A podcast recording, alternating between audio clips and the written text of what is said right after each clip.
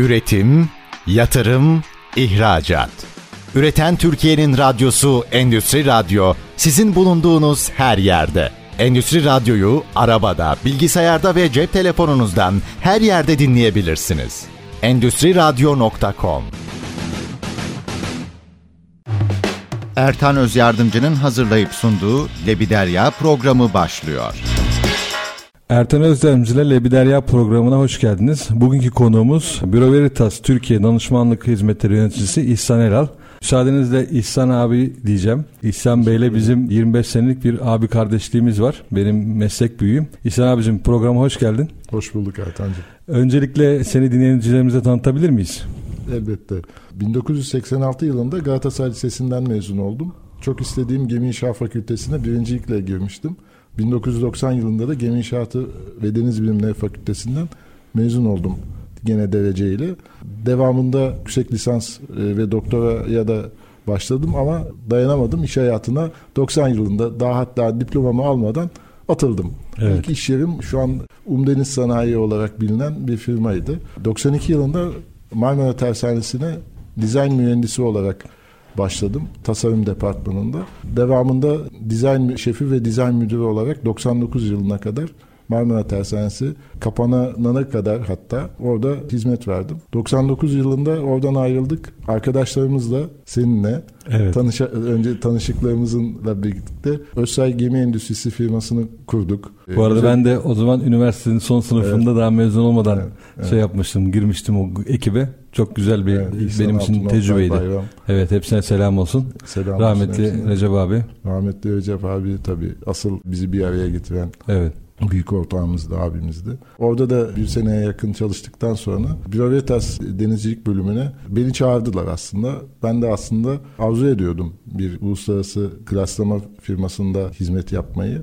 Dolayısıyla ben Birovetas'a 1999 yılında denizcilik bölümüne başladım. 2023 yılında kadar. Devam evet. etmekteyim. Maşallah. 23 yılı doldurduk artık. 24. yıldan gün aldık. Maşallah bir çeyrek asır Büro Veritas'a neredeyse emek verdin diyelim. Büro Veritas'ı da bir şöyle senin e, dilinden bir dinleyelim. Büro Veritas'ı global olarak bir Büro Veritas nedir? Büro Veritas ne yapar? Büro Veritas Fransız kökenli ama hisseleri Paris borsasında işlem gören halka açık bir şirket. Dünyanın neredeyse bütün ülkelerinde organize olmuş denetim ve sertifikasyon hizmeti veren uluslararası bir firma. Aynı zamanda Büro Veritas'ın kendi bünyesinde gene bu hizmeti e, götürmek için e, laboratuvarları da var. Kısacası Brevetas denetim ve sertifikasyon ve analiz hizmetlerinde uluslararası bir hizmet süpermarketi diyebiliriz. Denetim yapmadığımız tek alan mali denetim.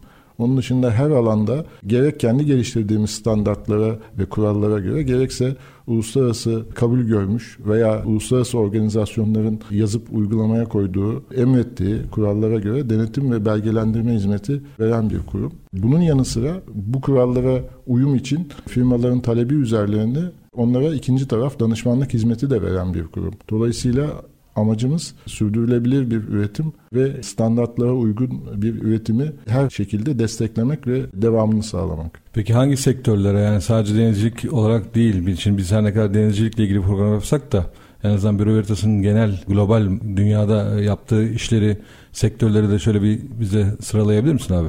Elbette. Büro Veritas aslında 1828 yılında denizcilik üzerine kurulmuş. Bir anlamda sigortacılık hizmeti vermiş. Daha sonra gelen taleplere göre teknik denetim üzerine, denizcilik üzerine, teknik denetim üzerine yoğunlaşmış bir firma. Ancak günümüzde denizcilik dışında kara endüstrisi, inşaat, enerji, petrokimya, sertifikasyon, uluslararası ticaret denetimi, maden ve mineral analizleri, tüketici ürünlerinin laboratuvar analizleri, konularında ve bunların da ötesinde neredeyse mali olmayan tüm konularda teknik denetim hizmeti verebilen ve bunu dünyanın savaş olmayan, üzerinde içinde savaş olmayan tüm ülkelerinde organize olarak hizmetini veren bir uluslararası bir kurum. 70 bine yakın çalışanı var tüm branşlarda Denizcilik bölümünde de 4000 civarında tüm dünyada organize olmuş bir çalışanı var. Veritas Türkiye olarak da bildiğim kadarıyla bu şimdi Ajax üyeleri diyelim. Onu da senden Ajax'ı ve detaylarını isteyeceğim ama Ajax üyeleri içindeki Türkiye'de yapılanma olarak herhalde en büyük, en geçmişi de çok olan bir yapı Büro Veritas Türkiye. Senden ricam Büro Veritas Türkiye'nin yapılanmasını, Türkiye'de verdiği hizmetleri de bize anlatabilir misin? Büro Veritas Türkiye'ye 1992 yılında sermaye koyarak girmiş bir firma. Öncesinde bir acentelik üzerinden genel meslektaş büyüklerimiz tarafından temsil ediliyorken Türkiye'nin gelişimine bağlı olarak 92'de girmiş durumda. E, hem denizcilik sektörü hem de diğer bütün sektörlerde 92'den itibaren düzenli olarak Türkiye'de büyümekte. Ajax dediğimiz kurum ise Uluslararası Gemi Sınıflandırma Kurumları Birliği ve bizim denizcilik alanında çatı örgütümüz. Biovetas da bunun kurucularından ve dönem başkanlarından denetim firması. Dünyada gemilerin uluslararası seyri yapabilmeleri için belgelere ihtiyaçları var. Bu belgeler klas belgesi yani sınıflandırma belgesi ve bununla birlikte emniyet sertifikaları. Bunlar genelde bayrak devletleri namına klas kurumları tarafından yayınlanmakta. E, Bürovetas Ajax üyesi olarak tüm bu belgeleri yetkisi dahilinde bayraklardan yetkisi dahilinde yayınlamakta.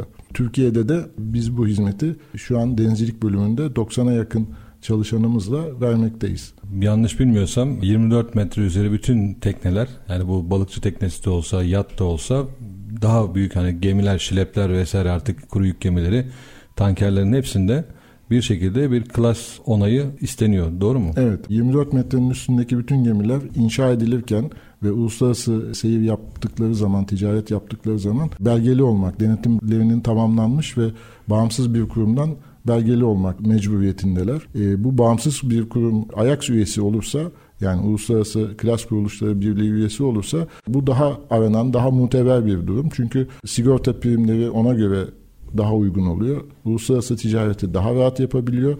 Daha kolay yük bulabiliyor.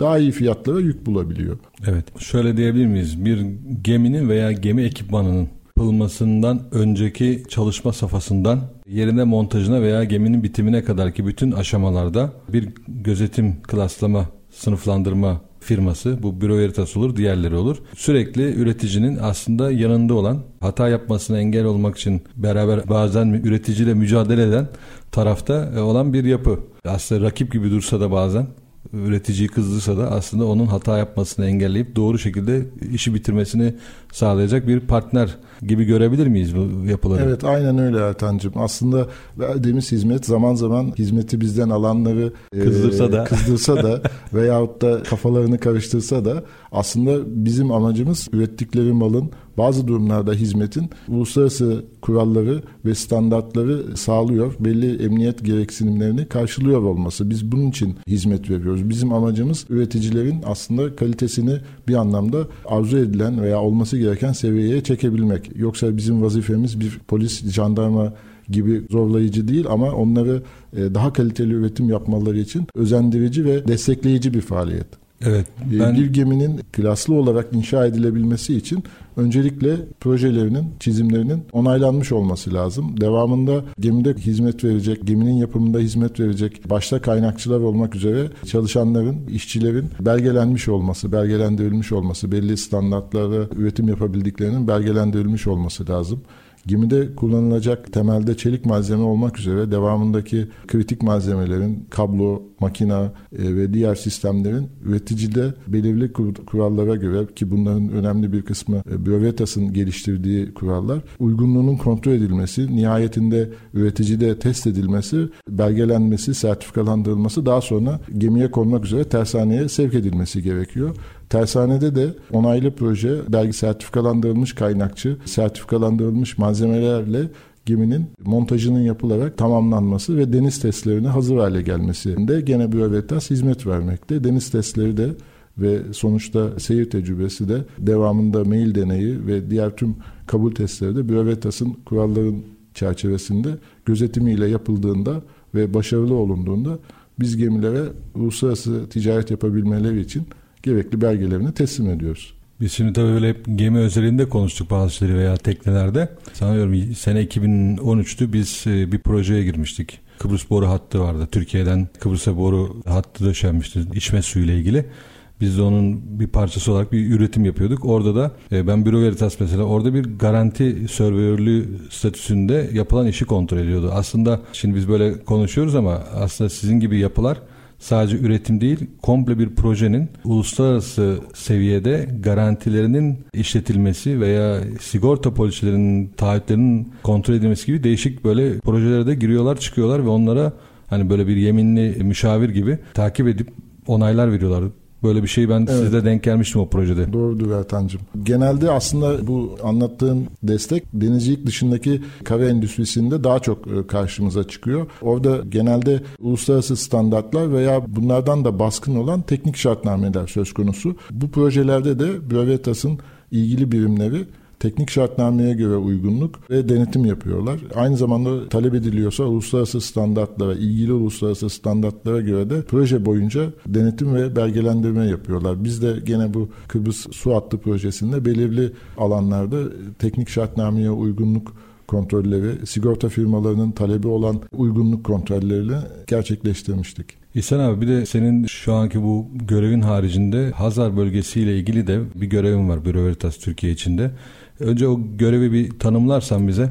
Ondan sonra da o bölgede bize işte bir Türk firmasının veya Türkiye'nin etkileri orada yapılan çalışmalarla o ülkelerdeki Türkiye Cumhuriyetlerle aramızdaki ilişkiyi biraz bize bahsedersen memnun olurum. Hay hay. Benim Veritas'taki görevim danışmanlık hizmetleri yöneticisi Türkiye ve Hazar ülkelerinde. Türkiye'deki faaliyetlerimizin yanı sıra Azerbaycan, Kazakistan ve Türkmenistan'da da gelen taleplere göre hizmet vermekteyiz. Özellikle Kazakistan'da denizcilik alanında ayrı bir denizcilik firmamız ve orada surveyorlarımız var. Kazakistan'da kare endüstrisinde de oldukça ileri durumdayız. Orada da 50'ye yakın çalışanımız var. Projelerin sayısına göre tabii bu rakam daha da artabiliyor. Proje bazlı çalışanlarımız da olabiliyor. Denetim ve belgelendirme hizmeti vermekteyiz. Bu hizmetler esnasında danışmanlık talep edildiği zaman yani seviyeye firmanın kendisini çıkartabilmesi için veya ikinci taraf olarak proje danışmanlığına ihtiyaç duyulduğu takdirde biz onlara da bu hizmeti vermekteyiz. Aynı şekilde Azerbaycan'da Bürevetas yıllardır devam etmekte. Şu an 28 civarında gene projelere bağlı olarak sayısı artabilen çalışanımız var. Geçmişte hem bu Bakü Tiflis Ceyhan hem daha sonrasında TANAP hat, hatlarında muhtelif kısımların denetim hizmetleri gene Bürevetas tarafından gerçekleştirilmişti. Şu anda da gene Azerbaycan'da denizüstü petrol platformlarında çalıştırıcı firmanın talep ettiği muhtelif denetimler Bürevetas tarafından gerçekleştirilmekte. Türkmenistan ise geçmişte bizim hizmet verebildiğimiz fakat nispeten daha kapalı bir ekonomik rejime haiz olduğu için her zaman iş imkanlarının kolay gelişmediği bir ülke. Orada da gene önümüzdeki günlerde 3 adet kargo gemisinin yapılması planlanıyor. Bunun kredisini de e, Türkmen Devleti tedarik etmiş durumda. Biz de bu gemilerde, bu gemilerin yapımında Türkmenistan'a hizmet vermek için kendi hazırlıklarımızı yapmaktayız. Evet abi. İhsan abicim programın ilk bölümü bitti. Bir kısa e, reklam aramız olacak. Reklamlardan sonra tekrar buradayız. Görüşmek üzere. Üretim, yatırım, ihracat. Üreten Türkiye'nin radyosu Endüstri Radyo sizin bulunduğunuz her yerde. Endüstri Radyo'yu arabada, bilgisayarda ve cep telefonunuzdan her yerde dinleyebilirsiniz. Endüstri Radyo.com Ertan Özlemci ile Lebi Derya programının ikinci bölümündesiniz. Konumuz Büro Veritas Türkiye Danışmanlık Hizmetleri Yöneticisi İhsan Elal. İhsan abi bu bölümde senle biraz Türk gemi sanayini, Türk tersanelerini konuşmak istiyorum müsaadenle. Şimdi pek çok konumuzda zaten denizcilikte konuştuğumuz gibi pek çok defada belki söyledim burada radyoda ama gemi sanayi gerçekten şu anda dünyada dördüncü sırada. Tamir bakım ve e, belki tamir bakımda daha da iyi ve yeni inşaada. Yat sektöründe de mega yatlarda ee, ciddi anlamda oldukça iyi bir yerdeyiz. Çok iyi yerdeyiz. Çok iyi yere doğru da devam ediyoruz. Yani sürecimiz hala hani yukarı doğru eğrilmede. Tabii rakiplerimiz hani Japonya, Kore, Çin gibi devler olunca onları yenmek coğrafi imkansızlıklardan kaynaklı olarak zor ama özellikle niş özel projelerde işte özel gemilerde, romorkerlerde vesairede şu anda ciddi anlamda belki liderliğe soymuş bir ülkeyiz. Bu bağlamda senden gemi sanayinin şu anki geldiği nokta işte kalitenin ulaştığı yerlerle ilgili bir böyle bir çerçevede şey bilgi alabilir miyiz? Teşekkür ederim Ertan'cığım.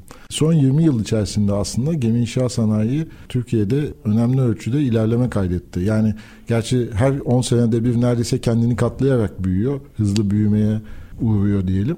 Ama daha tabii Türkiye için gidilecek çok yol var. Her ne kadar bizim dünya gemi inşaatı ve gemi bakımı sektöründe aldığımız pay Kore, Çin, Japonya'nın oranlarına baktığımız zaman onların yanında düşük kalsa da onların arkasından dördüncü sırada Türkiye var. Türkiye'nin e, dördüncü sırada olmasının sebebi tabii genç iş gücü olması, Avrupa'ya ve petrol e, ve doğalgaz üretim merkezlerine yakınlık, ulaşım imkanlarının çok iyi olması özellikle sektörümüz için Akdeniz çanağında olması olarak sıralayabiliriz. Özellikle Yalova tersanelerinin kurulmasıyla birlikte gemi inşaat sanayisi Türkiye'de kapasite olarak ikiye katladı ve şu an o kapasiteyi artık kullanabiliyor durumdayız.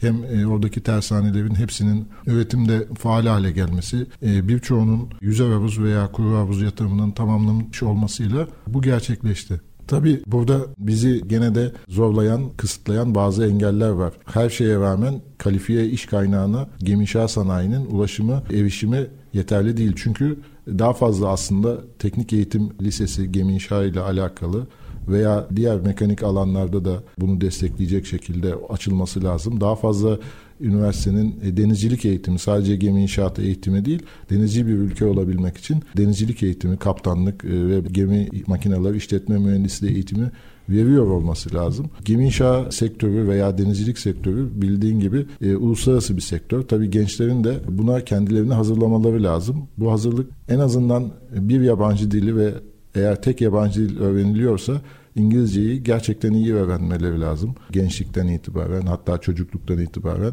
Tercihen ikinci bir yabancı dil çok iyi olur. Kendilerini uluslararası ortamlarda daha iyi sunabilmeleri, daha iyi pozisyonlara daha hızlı yükselebilmeleri için. Bu bizim kendi insan kaynağımız açısından geliştirmemiz gereken bir alan. Öte yandan dünyanın üretim ekseni son 20 sene içerisinde Çin'e kaydı. Türkiye ise bundan aslında pek olumlu etkilenmedi. Şöyle ki biz gemi inşa ederken ihtiyacımız olan belirli e, standartlardaki ürünleri 20 sene öncesinde Avrupa'dan ithal ediyor idik. Avrupa ülkelerinden. Bu süre içerisinde 20 sene içerisinde bunların bir kısmı Türkiye'de üretilebilir hale geldi. Bu bizim için çok göğüs kabartıcı, gurur verici bir durum. Ancak Türkiye'de hala üretilmeyen veya istediğimiz güç ve sınıfta üretilmeyen gemi dizel motoru ve jeneratör gruplarının üretimi maalesef tedariki daha zor olan veya daha uzun süren, daha pahalıya gelebilen Çin'e kaydı. En yakın motor üreticisi firma artık gemi dizel motor üreticisi firma artık Hindistan'da üretim yapıyor.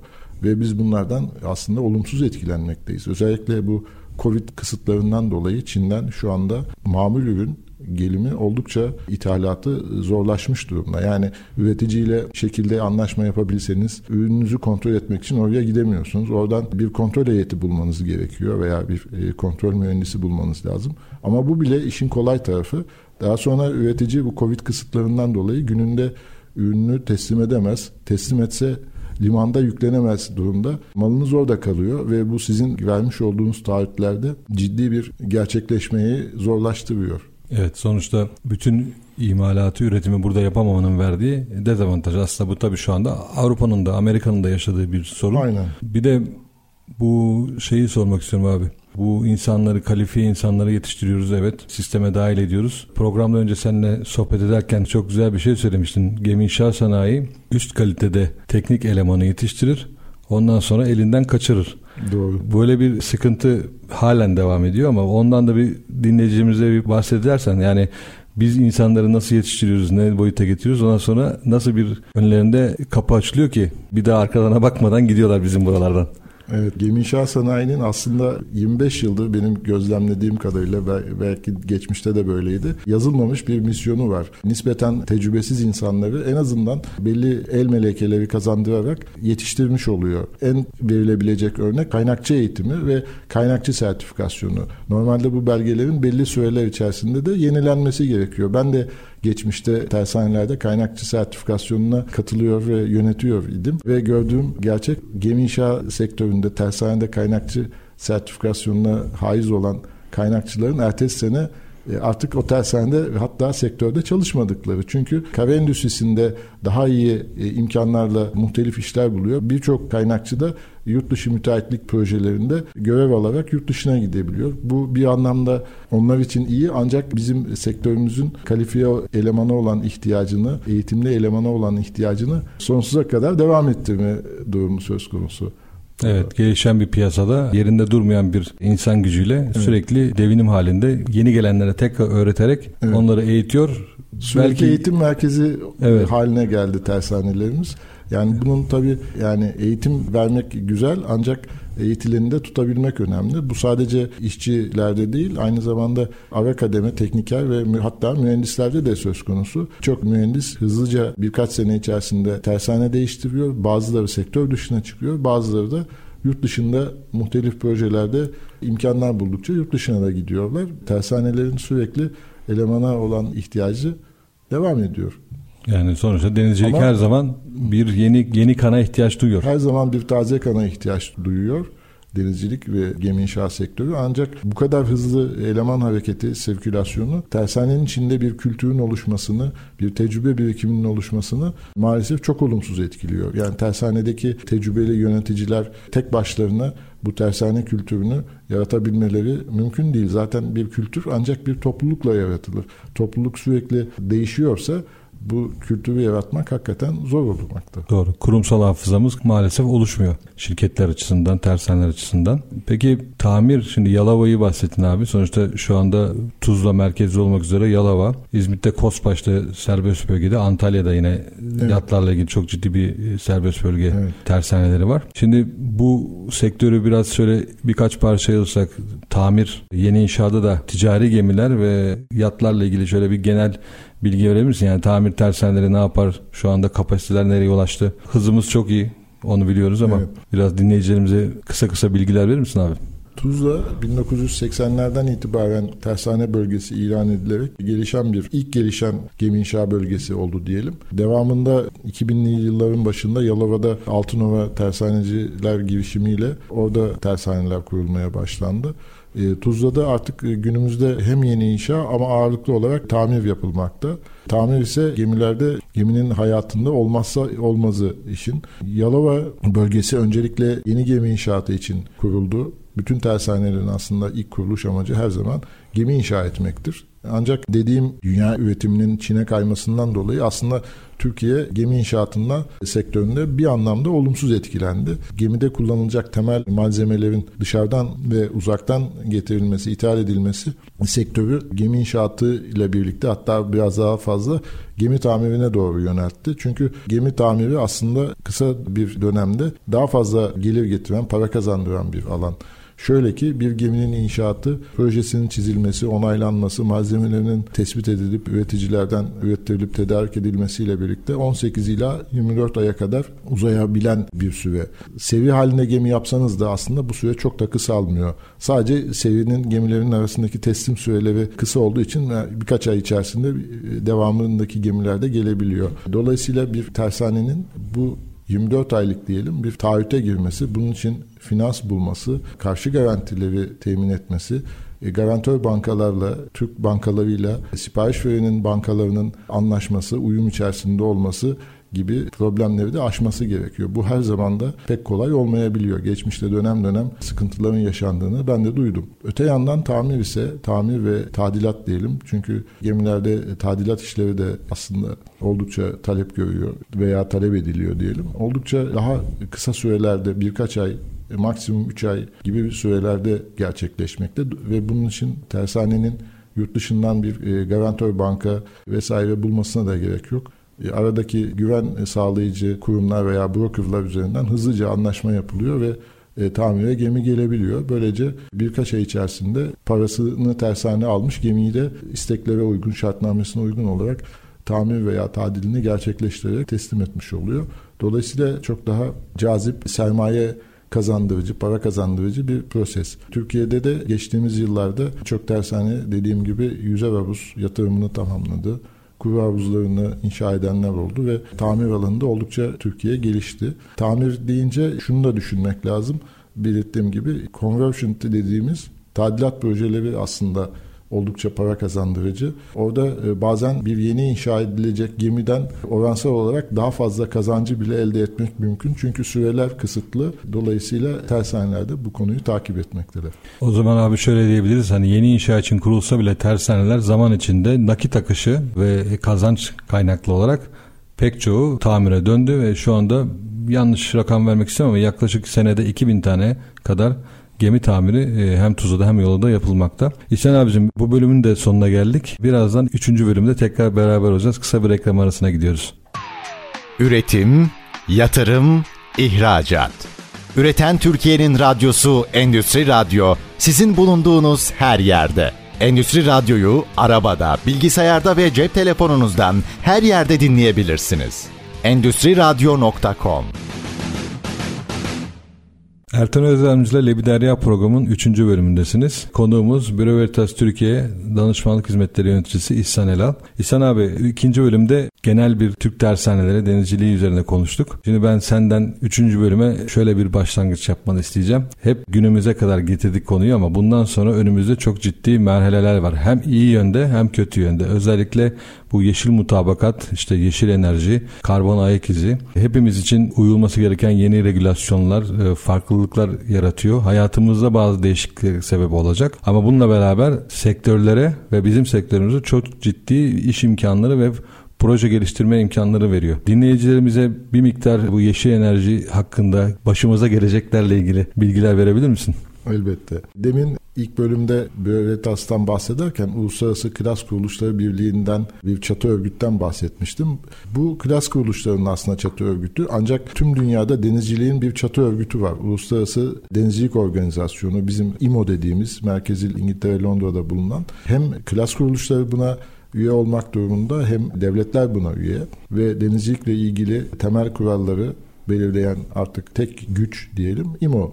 İMO'nun geçtiğimiz yıllarda aldığı ve 2050 hedeflerini içeren ve ara hedefleri içeren bir dizi kararları oldu.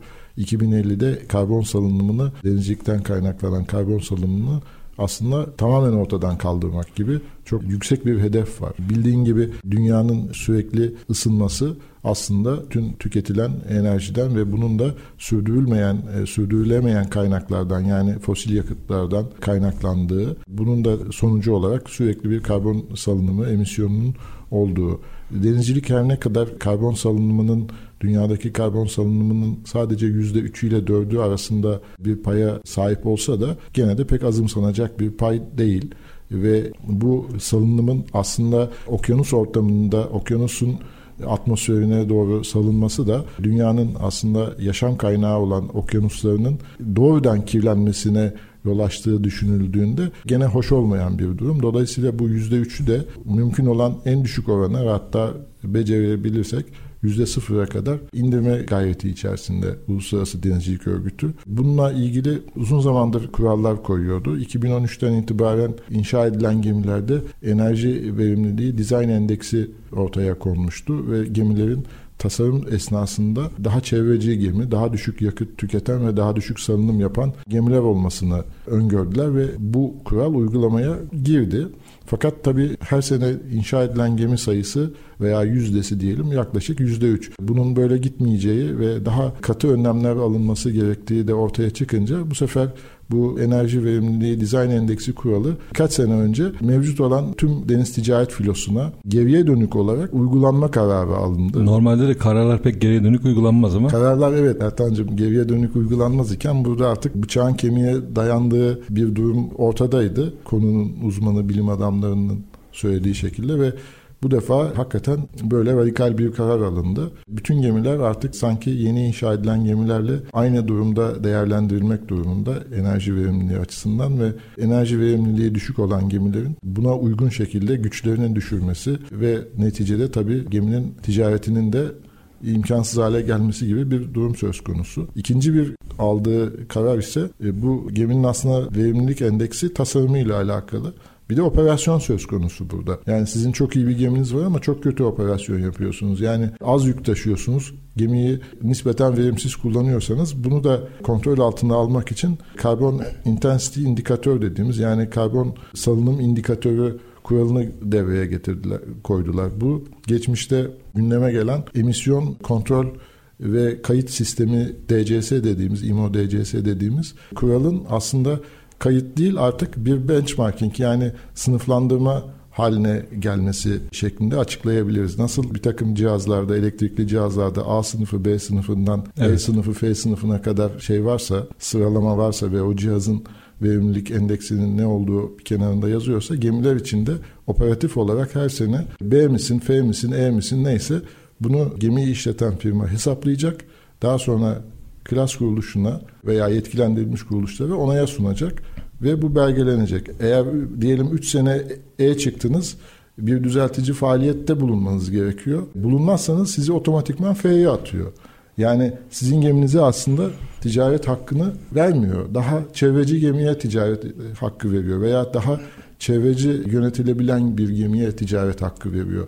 Bu aslında oldukça radikal bir karar ve mevcut filoların mevcut yakıt cinsiyle bir süre sonra ticaret yapmasını engelleyecek. Eğer başka bir kuralda hafifletici bir çalışma yapılmaz ise. Ben bugüne kadar hiç geri bastıklarını görmedim bu kurallarda. Özellikle İMO'nun e, koydukları kuralı ciddi anlamda yani bazen uzatmalar yapılıyor ama e, o da fiziki problemler yaşanıyorsa, gerçekten üretim yapılamıyorsa ballast water treatment'ta falan olmuştu belki evet, hatırlarsın abi. Evet. Ama öteki türlü bu kurallar kalitetle gelmek zorunda zaten çevreci bir yapı oluşması açısından. O zaman şu da bir gerçek. Eğer bu tip bir sınıflandırmaya haiz olursa gemiler yakın zamanda navlunların tekrar aşağı gelmesi gibi bir beklentimiz dünya ticaretinde pek mümkün değil. Evet şu an aslında hangi yöne doğru navlunların gideceği çok belirli değil. E, bir yandan ticaret daralırken navlunlar düşüyor ancak bir yandan da gemilerin endekslenmesi ve enerji verimliliğine haiz olmayan gemilerin filo dışı bırakılması yüzünden de gemilerin hurdaya gitmesi veya ticaretten çekilmesi söz konusu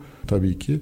E, aslında hurdaya gitme olayı navlunların düşmesine paralel olarak gerçekleşiyor. E, evet. Hiçbir zaman gemi çok yaşlı bile olsa navlunlar yüksekken hurdaya gitmiyor. Ancak ticaret yapamaz hale gelirse o zaman tabii kaçınılmaz bir son olarak geminin hurdaya söküme gitmesi söz konusu. Tabii bunun devamında da yine gemi inşaat sanayi yoğun bir sipariş yağmuru altında kalacak gibi gözüküyor. Yani Elbette. pozitif tarafından bakarsak evet. denizcilikte gemi inşaada yine bir güzel günler gözüküyor ama ticaret tarafından bakarsak navlun değerlerinde gevşeme şu anda yaşanan gevşeme belki önümüzdeki yıllarda tekrardan ticaret artmasa dahi arz talep dengesindeki gemi arz talep dengesindeki sorunlardan dolayı tekrardan yükselebilir. Aslında navlunun yükselmesi arz talep dengesindeki talebin fazlalığından her zaman gerçekleşiyor. Geçmişte mesela 2008'deki navlunların yükselmesi Çin'in kalkınmasının çok hızlanması, olimpiyat düzenlerken inanılmaz bir şekilde tüm dünyadan ham madde çekmesi ama limanlarının bu ithal ettiği ham maddeyi boşaltacak kapasitede olmamasından dolayı gemilerin liman açığında dolu vaziyette beklemelerinden ve piyasada bir süreliğine gemi sıkıntısının olmasından dolayı olmuştu. Şimdiki bugünlerde yaşanan navlun yükselmesi Covid sonrası hızlı artan dünya ticaretinin Covid'deki yavaşlamadan sonra hızlı artan dünya ticaretinin bir sonucu. Yavaş yavaş tekrar navlunlar düşüyor ama hurdaya giden gemiler veya mevcut haliyle operasyon yapamayacak veya enerji endeksi yüksek çıktığı için güç düşümü yapması söz konusu olan bir geminin gücünü kestiği yani makine gücünü sınırladığı takdirde de belli bir seyir süratini tutturamayacak olmasından dolayı ticaret yapamamasından dolayı da sefer dışı, navlun dışı kalması tabii ki navlunları tekrardan arttırıcı bir durum. Anladım. Abi bir de senden biraz da offshore tarafıyla ilgili bilgi almak istiyorum. Sonuçta bu evet gemilerde bir takım regülasyonlar var ama aynı zamanda bizim enerjiyle ilgili özellikle rüzgar enerjisiyle ilgili, güneşle ilgili hala bazı sorunlar yaşanıyor. Hoş rüzgarda da var ama işte güneşin kalitesi, gelen UV'nin sistemi çalıştırabilir halde tutup tutamaması gibi bazı değer problemleri yaşanıyor panellerde. Ama rüzgar enerjisinde çok ciddi yatırımlar var hem karada hem denizde. Denizdeki tarafın bu kadar büyük maliyetli olmasına rağmen yapılabilir olması neye bağlı? Aslında bütün olay karbon veya petrol ürünleri dışında karbon salınımı olmayan alternatif yakıt enerji kaynaklarının geliştirilmesinden kaynaklanıyor. Gemiler için şu an geliştirilen ilk gözüken amonyak veya met ve metanol yakıtları ama bunlar da aslında uzun vadede belki sürdürülebilir değil. Tüm filoyu besleyecek kadar uzun vadede hidrojen şu an için düşünülüyor ama e, pratik uygulaması yok. Tabii hidrojenin de nasıl üretildiği önemli. Yani hidrojeni de bir şekilde karbon salarak üretiyorsanız gene bu iş olmuyor. Öte yandan dünyanın en büyük potansiyeli rüzgar enerjisi. Ülkemizde de aslında güzel bir potansiyel var ve dünyadaki ilk rüzgar santralleri doğal olarak karalara kuruldu. Ancak karadaki alanların bazı açılardan tarım alanı, orman olması, rüzgar potansiyellerinin dağlık tepelik alanlar dışında düşük olmasından dolayı karada aslında fiyata ya da nispeten ucuza kurulum kısıtlı kaldı.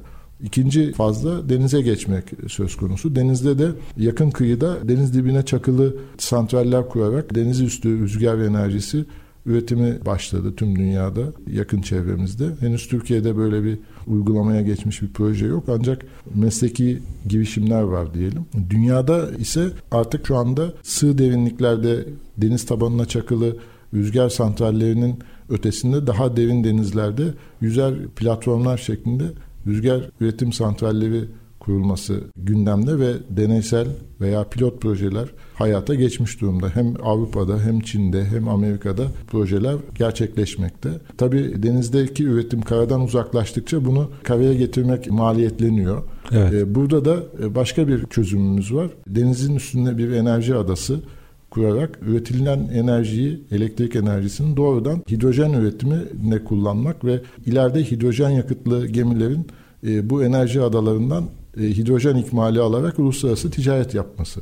Bunların hepsi aslında düşünülüyor ancak henüz daha mühendislik noktasında hidrojen üretecek enerji adası geliştirme aşamasında. Anladım.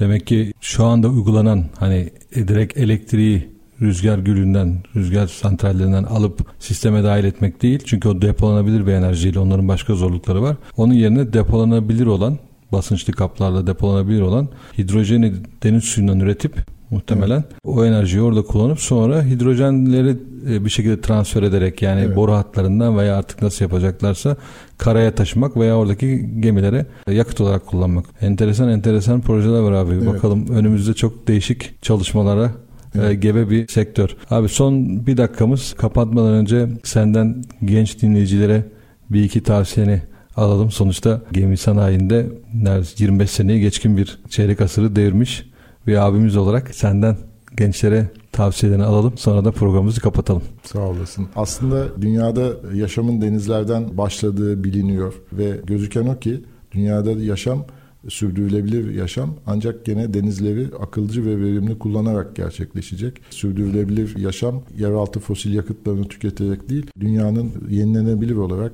aldığı enerji bu güneş de olabilir, rüzgar da olabilir. Bütün bunları verimli bir şekilde kullanmaktan geçiyor. Gençlere de söyleyebileceğimiz denizciliğin aslında her zaman söz sahibi bir meslek olduğu, e, ister gemi inşa mühendisi olsun bizim gibi, ister gemilerde görev yapacak kaptan gemi makineleri işletme mühendisi olsun veya isterse Avakademi'de gemide çalışacak tekniker eleman olsun denizciliği her zaman akıllarında tutmaları ve kendilerine buna göre hazırlamaları, bir yabancı dili öğrenerek genç yaşlarda kendilerine buna göre hazırlamaları olur. Tamam abicim teşekkür ederim. Kısa ve öz bir tavsiye. Programımızın sonuna geldik. İnşallah başka konuklarla tekrar karşınızda olacağız.